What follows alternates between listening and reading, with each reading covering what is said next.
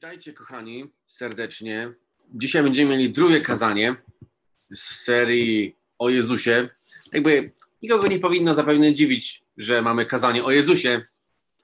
Jest to chyba y, rzecz y, taka naturalna, ale dzisiaj będzie szczególnie o Jezusie. W grudniu rozpoczęliśmy, chcieliśmy zrobić taką krótką serię razem z Piotrem o ludzkiej naturze Jezusa. Mówił tydzień temu Piotr, że Jezus był prawdziwym człowiekiem i o boskiej naturze Jezusa. Więc dzisiaj ja będę o tym mówił, e, więc e, tydzień temu był ludzki Jezus, Jezus prawdziwy człowiek, a dzisiaj będzie boski Jezus. E, więc taki jest też tytuł dzisiejszego kazania, boski Jezus.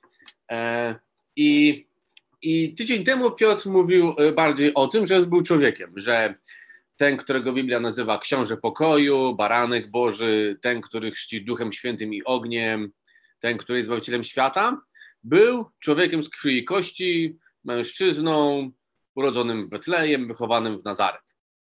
Że był całkowicie człowiekiem, takim jak każdy z nas.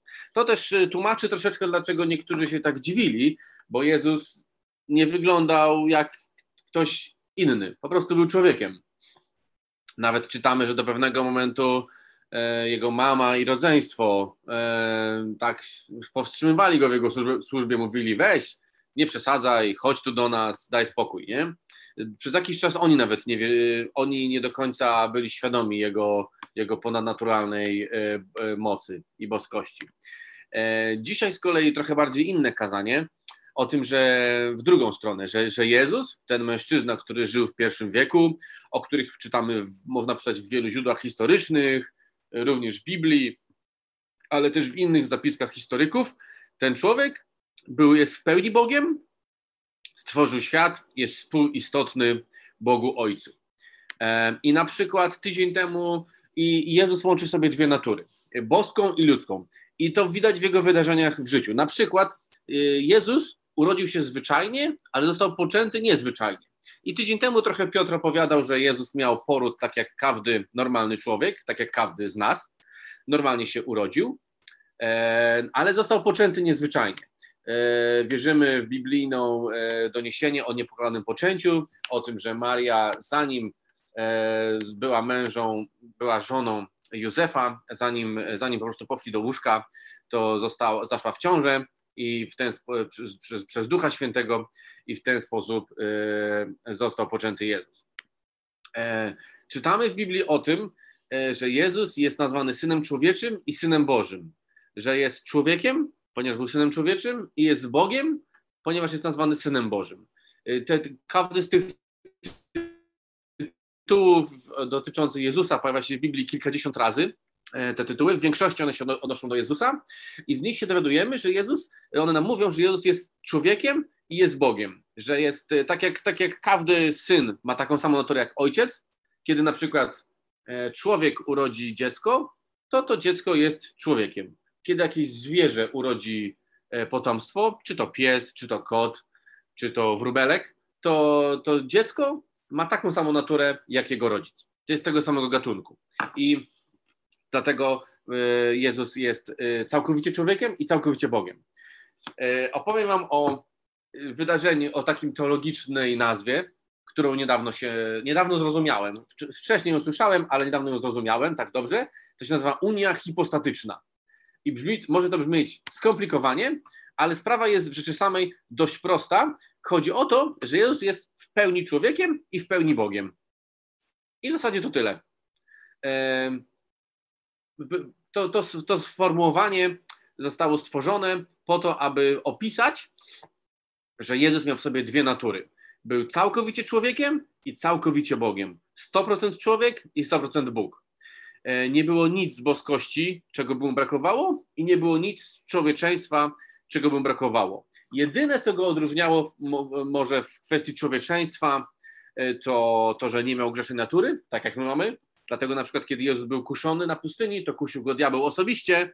No, żeby nas kusić, zwykle nie jest potrzebny diabeł. Sami jesteśmy kuszeni przez nasze własne powątpliwości. E, natomiast w boskości, gdy był 100%, 100% Bogiem, może jedynie z tą różnicą, że kiedy był na ziemi, to nie był wszechobecny jako Boży Syn. Kiedy, kiedy zamieszkał w postaci człowieka na te 33 lata na ziemi. E, więc, więc takie wydarzenie, takie, takie e, określenie wydawałoby się teologicznie skomplikowane, unia hipostatyczna, ale w rzeczy, rzeczy samej jest to bardzo proste. Po prostu w pełni człowiek, w pełni Bóg, 100% człowiek, 100% Bóg. I tak jak Piotr tydzień temu mówił o tym, że Jezus był e, całkowicie człowiekiem i Biblia da, daje dowody, aby w to twierdzić, że był, był, był tak samo ludzki jak my, dzięki czemu możemy też go naśladować. Dzisiaj bym chciał opowiedzieć o, o boskości Jezusa. E, przygotowując się do tego kazania, e, byłem w czwartek online na spotkaniu studenckim w Gdańsku, gdzie jestem też zaangażowany trochę w służbę studencką i Konrad Grondys, pastor z Sopotu, miał, miał kazanie i ciekawą myśl bardzo powiedział, mówiąc, e, fragment miał z Ewangelii Łukasza, dlaczego w ogóle Jezus żył? I to jest pytanie, które też warto sobie zadać, po co Jezus, po co Bóg stał się człowiekiem na te 33 lata? Bo gdyby chodziło tylko o karę za grzechy, karę, e, którą mia, e, jaką miałaby być śmierć doskonałego człowieka, doskonałego Boga, niewinnego, to Jezus mógłby po prostu, Bóg mógłby stać się człowiekiem, umrzeć, ponieść, zapłacić cenę i odejść. Ale jednak wiemy, że e, życie Jezusa trwało 33 lata. I dlaczego w ogóle to było? No, Odpowiedzi są różne, nie chcę teraz mówić. Wydaje mi się, że najbardziej chodziło o to, żeby dać tam po prostu przykład, jak żyć, ale, ale to dotyczy trochę bardziej ludzkiej natury Jezusa, ale to jest inny temat, który natomiast mi wpadł do głowy, rozmyślając nad, nad właśnie nad naturą Jezusa. Dzisiaj chciałbym się skupić bardzo na boskiej naturze Jezusa i na przykład wy, wykazać kilka fragmentów z Pisma i potem powiedzieć, co to znaczy. I mam też niespodziankę e, przygotowaną dla Was. Gdybyście nie wiedzieli, co to jest, e, jest taki frazes fajny, że krew baranka obmywa grzech. To nagrałem film, który może to e, wytłumaczyć. E, ale najpierw po kolei. W liście do Kolosan 1,19 czytamy, że upodobał sobie Bóg, żeby w nim, w Jezusie, zamieszkała cała pełnia boskości. Ten sam fragment, podobną myśl czytamy w liście do, jeden rozdział później, w liście do Kolosan 2,9, że w nim mieszka cieleśnie cała pełnia boskości. Więc e, te, te wersety mówią o tym, że Jezus był całkowicie Bogiem. Miał całą pełnię boskości. E, I to są fragmenty, które, które są bardzo głębokie w swojej treści, e, mówiące po prostu o tym, że Jezus miał całą boskość w sobie. Dalej. List do Rzymian, 9 rozdział, 5 werset. Czytamy o tym, że Mm, czytamy taki fragment, do których należą ojcowie, ojcowie i z których pochodzi Chrystus według ciała, ten jest ponad wszystkimi, Bóg błogosławiony na wieki. To kolejny fragment, który mówi o tym, mówi o jakimś, mówi o ludzkim pochodzeniu cielesnym Jezusa, Chrystusa, ale y, kończy te, te, ten werset kończy się słowami, które mówią, że On jest ponad wszystkimi, Bóg błogosławiony na wieki. Że, że właśnie Jezus Chrystus jest Bogiem. Jest nie tylko postacią historyczną, nie tylko był człowiekiem, ale jest Bogiem e, we własnej osobie.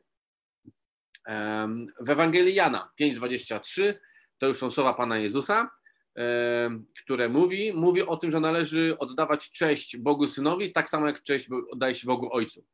E, powiedział Jezus, że aby wszyscy czcili. Przepraszam, zawsze mam problem z słowem czczenie.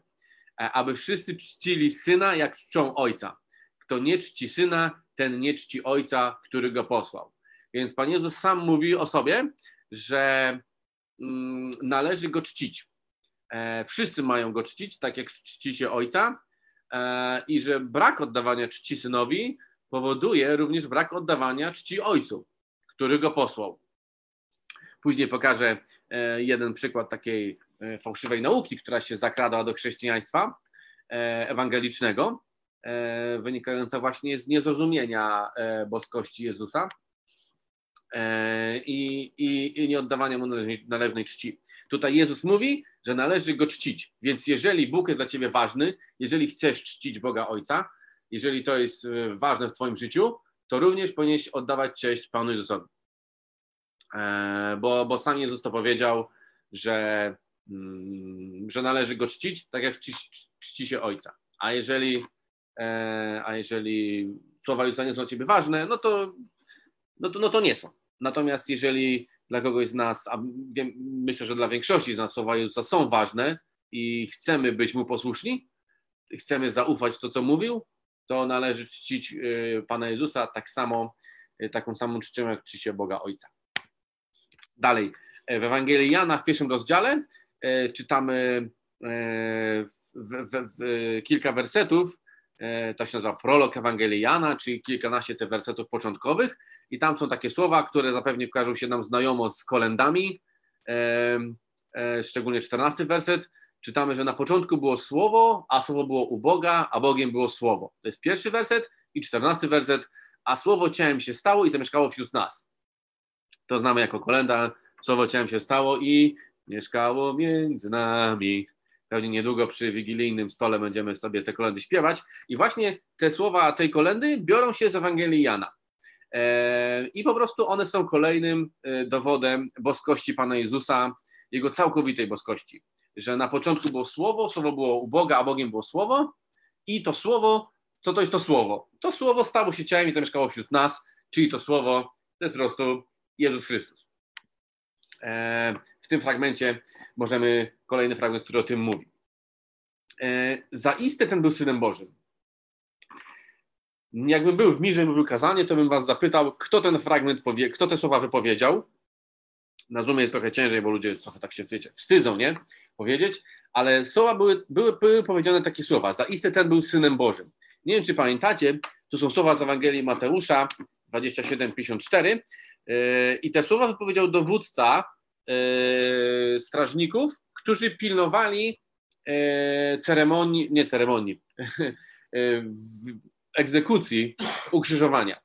E, kiedy dokonywała się egzekucja ukrzyżowania, kiedy był ukrzyżowany Pan Jezus i dwóch łotrów, jeden po lewej stronie, drugi po prawej, to, to e, był tam, były tam oczywiście wojsko, bo musiało pilnować tej egzekucji, żeby tam nikt na przykład nie przyszedł i nie zabrał któregoś z tych e, ludzi, którzy byli na karę śmierci skazani. I dowódca tych żołnierzy, kiedy zobaczył wydarzenia, które towarzyszyły śmierci Pana Jezusa, tam kiedy Pan umarł, to się zatrzęsła ziemia, e, gdzieś tam, gdzieś tam umarli, wstali z grobów, e, ciemność zaległa, zale, zaległa ziemię. To są wydarzenia opisane w Ewangelii Mateusza, w 27 rozdziale, można sobie przeczytać. To, to kiedy ten dowódca tych żołnierzy, którzy to zrobili, którzy pilnowali tam porządku, zobaczył to wszystko, to mówi: Naprawdę, teraz już wierzę, że ten był synem Bożym. I po prostu przekonały go wydarzenia, które towarzyszyły śmierci Jezusa. I ja w tym widzę taką. E, e, jest to dla mnie dobry argument apologetyczny, taki teologiczny, który mówi tak, e, Jezus był synem Bożym i, i to udowodnił nawet umierając na krzyżu. Już pomijam oczywiście zmartwychwstanie, no bo to już jest w ogóle wielki cud, i, i który, który dał wiarę apostołom i napędził ich do głoszenia Ewangelii i pójścia z misją, ale nawet śmierć Jezusa spowodowała, że ten człowiek uwierzył, że jest był Synem Bożym. Jest to takie z kolei smutne e, dla mnie czytać te słowa, bo kiedy sobie mm, je czytam i wyobrażam, wyobrażam sobie tego dowódcę, pilnuje razem ze swoimi żołnierzami egzekucji, ukrzyżowania i umiera, i nagle umiera Jezus i nagle ten człowiek myśli sobie, o ja, to on był naprawdę Synem Bożym. I pewnie, gdybym ja był na jego miejscu, to bym sobie pomyślał, jaka szkoda, że nie wiedziałem tego, kiedy jeszcze żył. Bym może przyszedł na jego kazanie, może bym posłuchał go, może bym przyszedł po modlitwę do niego. I ten człowiek, e, myślę, że było mu smutno, kiedy on zrozumiał, że Jezus był synem Bożym dopiero po śmierci Jezusa. I że miał taką, ten człowiek miał niezwykłą okazję poznać syna Bożego, ale, ale przekonał się, kim on był, dopiero po tym, jak Jezus umarł. To takie smutne. E, w tym momencie ten człowiek nie, na pewno nie wiedział, że Jezus zmartwychwstanie. Nie czytamy, co się o nim stało, czy może po, po, po, zmartwychwstaniu Jezusa poszedł zobacz, spotkać się z Jezusem. E, nie czytamy o tym, ale w tym momencie, kiedy on nie wiedział, że Jezus powstanie z martwych, to, to myślę, że było mu smutno. E, ale jest coś jeszcze smutniejszego. Jeszcze smutniejsze by było, gdyby ten człowiek się przekonał o tym, że Jezus jest Synem Bożym po swojej śmierci, kiedy On by umarł. I to może być okazja, jest okazją do refleksji dla nas. Czy ja wierzę, że jest Synem Bożym. Czy ja naprawdę wierzę, że Jezus, ten człowiek, który tam kiedyś żył, czy on jest Synem Bożym, czy tylko wierzę, że on był jakimś tam prorokiem, jakimś tam nauczycielem, jakimś tam założycielem religii. Co ja o nim tak naprawdę myślę?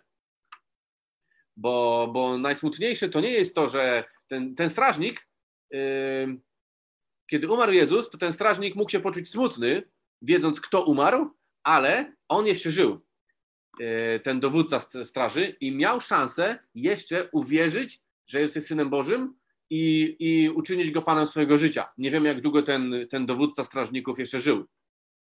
E, natomiast e, smutne jest, naprawdę smutne, kiedy człowiek umiera i spotyka się z Bogiem i dopiero wtedy się przekonuje, a, więc jednak chrześcijaństwo to prawda. Jednak Jezus jest Synem Bożym. I za, za, chciałbym zachęcić każdego z nas do refleksji nad tym i szczególnie jeżeli nie wierzysz, że Jezus jest Synem Bożym, to, to zastanów się nad tym. Święta się zbliżają, to jest dobra okazja, żeby się na tym zastanowić. Każda okazja jest dobra, żeby uwierzyć, że jest Synem Bożym, ale święta są taką naturalną okazją, no bo świętujemy e, urodziny Pana Jezusa. E, I naprawdę to jest ważne, żeby wiedzieć, czy Jezus jest Synem Bożym, czy tylko po prostu jakimś tam założycielem religii, takim jak Mahomet, Buddha, Konfucjusz, ktokolwiek inny. E, setnik, który pilnował mm, egzekucji, uwierzył, że Jezus był Synem Bożym, jeszcze zanim umarł. I myślę, że z tym człowiekiem możemy się spotkać w niebie. E, on po prostu tam się prawdopodobnie znajdzie, jeśli rzeczywiście uwierzył, że jest Synem Bożym, a te słowa wydają się wskazywać, że tak było, to się spotkamy z nim w niebie. W niebie. E, dalej. Ewangelia, w Ewangelii Jana, 20 rozdział, 28 werset, czytamy takie słowa Y, apostoła Tomasza, który, który nie był w momencie, kiedy, kiedy Pan Jezus się pojawił za pierwszym razem. To już są słowa, kiedy Pan Jezus y, zmartwychwstał, przyszedł do uczniów, no i uczniów było tam dziesięciu, no bo nie było już tam Judasza, który w tym momencie już nie żył. E, nie było tam jeszcze Tomasza, było tam dziesięciu apostołów. On się, I kiedy Tomasz przy, przychodzi do uczniów, to oni mówią, Jezus naprawdę zmartwychwstał. No i Tomasz mówi, no to dopiero jak ja tutaj włożę palec w jego dziurę po gwoździu tutaj na ręce, włożę rękę w jego bok, tam gdzie był przybity włócznią, to wtedy uwierzę. No i pojawia się Jezus i mówi, chodź Tomek, daj tu swój palec, daj tu swoją rękę, mówi, nie bądź bez wiary, ale wiesz. I wtedy Tomasz wypowiada te słowa, mówi, okej, okay, teraz wierzę, jesteś moim Panem, jesteś moim Bogiem. I te słowa też są takim przez większość ludzi, przez większość chrześcijan uważane za taką, takie słowa, które potwierdzają i wzmacniają ten fakt, że Jezus jest Panem i Jezus jest Bogiem. E, wyznanie Tomasza. Pan mój i Bóg mój. I to jest po raz kolejny pytanie, czy ty możesz tak powiedzieć o sobie? Czy możesz powiedzieć, że Jezus to mój Pan i mój Bóg? Nie tylko postać, o której się uczę, postać, o której coś tam kiedyś słyszałem, może wiem więcej, ale czy Jezus naprawdę jest Panem każdej dziedziny Twojego życia i czy Jezus jest Twoim Bogiem? Czy nie masz innych bogów oprócz Niego? W pierwszym liście Jana, piąty rozdział, 20 werset, e, czytamy też takie słowa, które po raz kolejny są e, dowodem, są, są argumentem za pełną boskością Jezusa. Czytamy tak, 20 werset. Wiemy też, że Syn Boży przyszedł, i dał nam rozum, abyśmy poznali tego, który jest prawdziwy. My jesteśmy w tym, który jest prawdziwy, w Synu Jego Jezusie Chrystusie. On jest tym prawdziwym Bogiem i życiem wiecznym. Więc te słowa napisane przez apostoła Jana po raz kolejny mówią, że Jezus jest prawdziwym Bogiem i życiem wiecznym.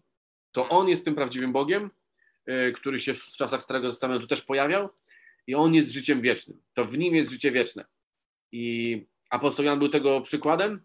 Apostoł Jan, nie wiem czy wiecie, to jest jedyny uczeń, jedyny z dwunastu apostołów, który dożył do śmierci powiedzmy naturalnej. Wszyscy pozostali apostołowie zostali e, zabici.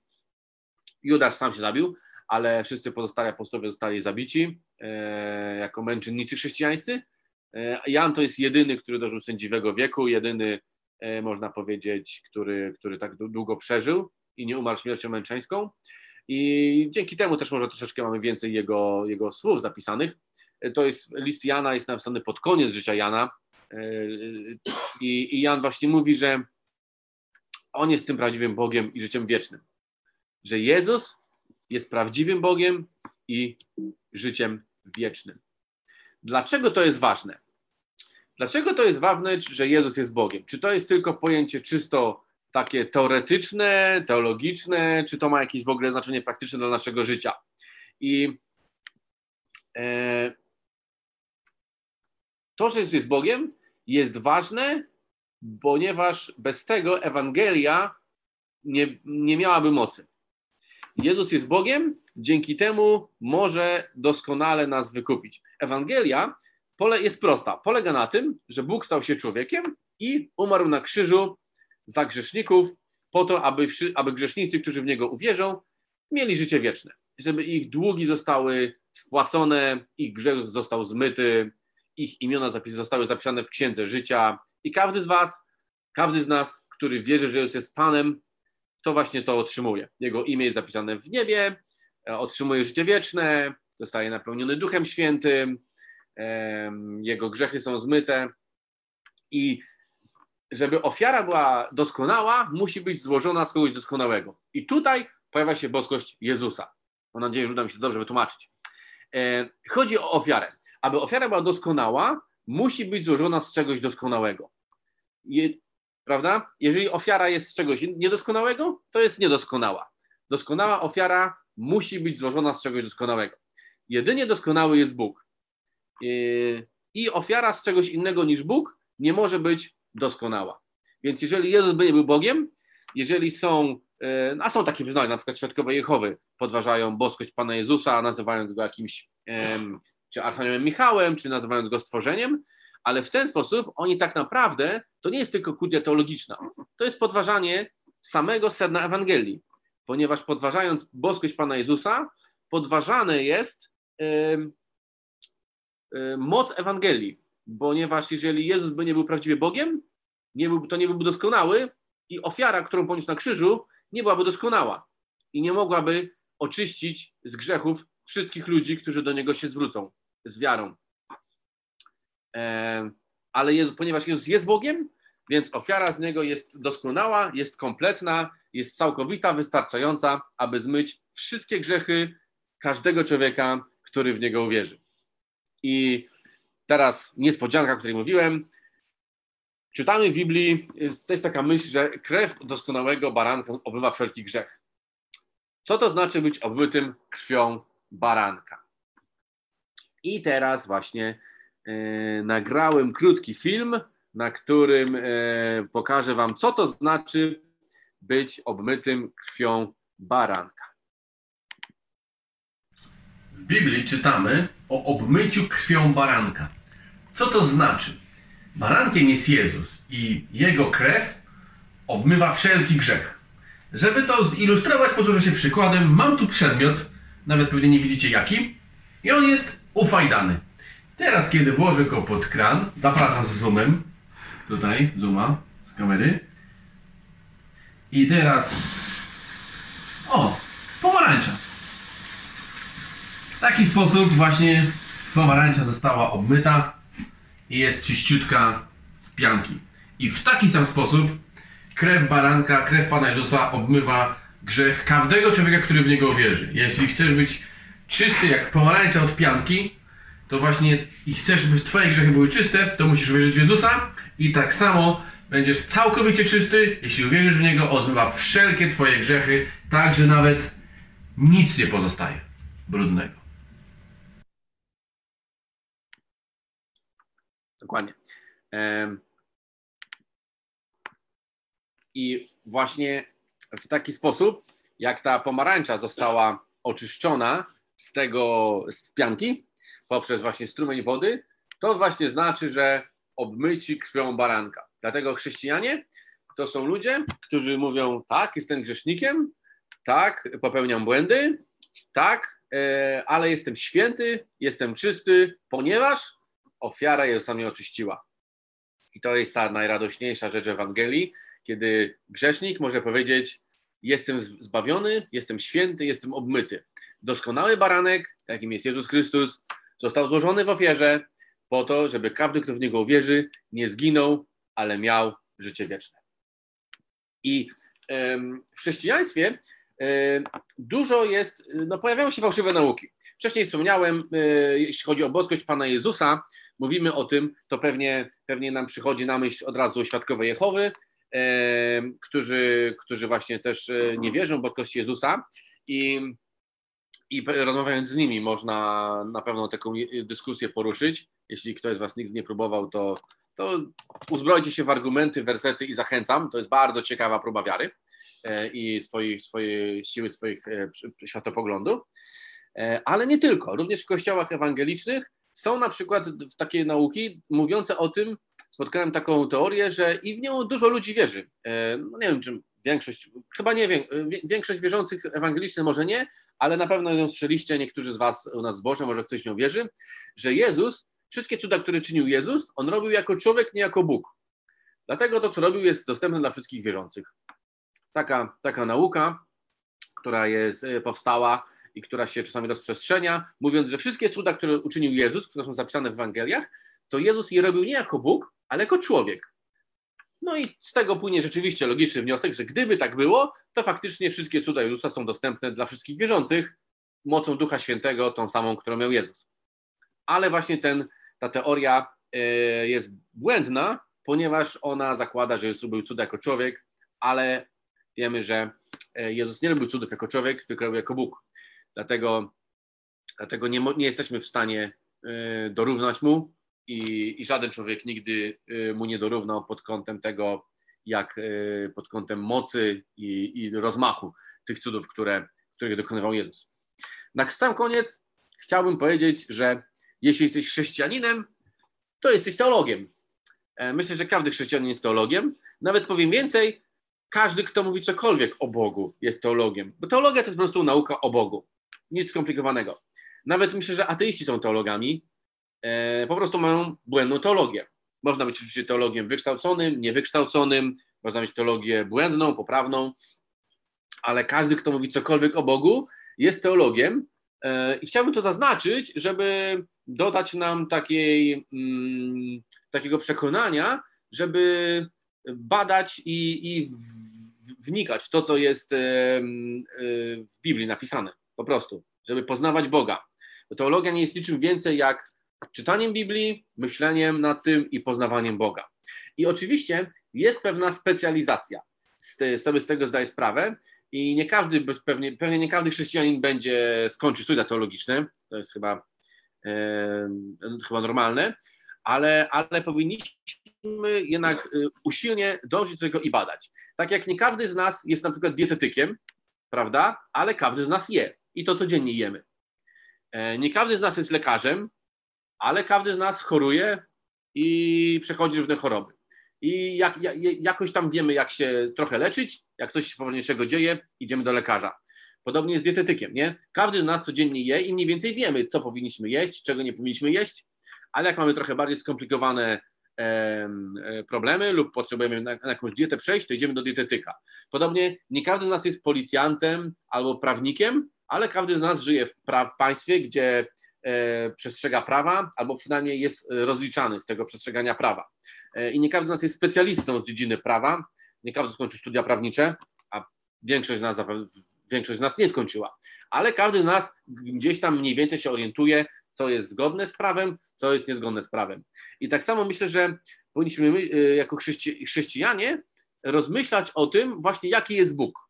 I mówię, no nie każdy z nas będzie miał może tytuł teologa czy, czy magistra teologii, ale każdy z nas powinien myśleć i są rzeczy, których nie, nie, nie możemy ominąć. I myślę, że boskość Jezusa jest takim zagadnieniem, y, które jest ważne, jest, jest, jest kluczowe, ponieważ od tego zależy właśnie moc Ewangelii żeby e, ufać, że Jezus jest Panem i że po prostu On ma moc oczyścić nas od grzechu.